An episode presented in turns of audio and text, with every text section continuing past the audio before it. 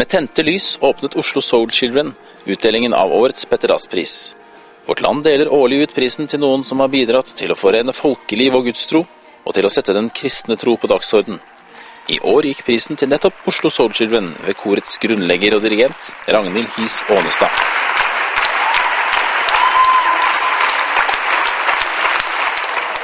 Eh, jeg ble litt stum, skal være helt ærlig, for det er forferdelig stort for meg. For jeg har liksom fulgt med opp igjennom hvem som har fått de prisene tidligere, så det her er en stor ære, og jeg blir veldig, veldig stolt. Du er i selskap med Egil Svartdal og kompani? Ja, mine forbilder, rett og slett. Så dette er fantastisk. Ragnhild Hies Aanestad startet Oslo Soul Children i 2001. Siden da har konseptet spredt seg, og omfatter nå 80 lokale kor i Norge, i tillegg til 20 kor i andre land.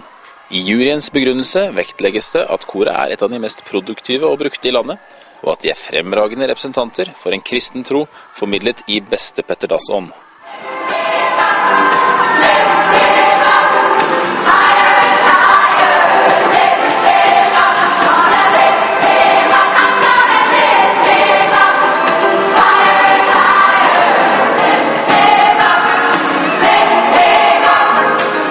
Hvor viktig er Gud i Soul Children-konseptet?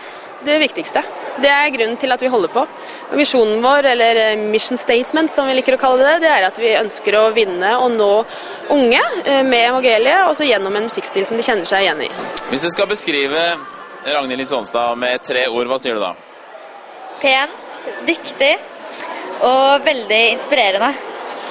Eh, Når hun må det, så kan hun være streng. Men eh, selvfølgelig, det er jo bare bra, egentlig. At hun holder styr på Ja. Dere ser veldig veloppdragne ut eh, her det står. Er det, er det streng disiplin?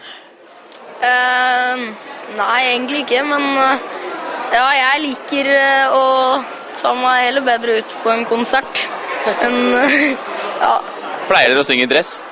Eh, ikke på øvelser. eh, Det er sånn når vi, får en når vi får en mail om å kle oss fint, så blir det fort det. I svart og sånn.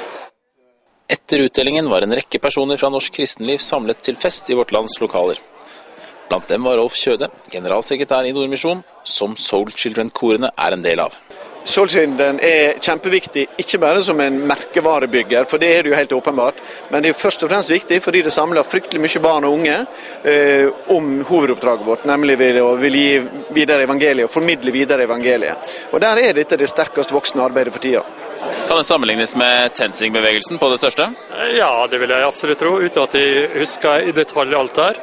Men det er klart at det er ingenting som appellerer så mye til eh, ungdommer eh, innenfor kristen sang og musikk som solgte Soul i dag.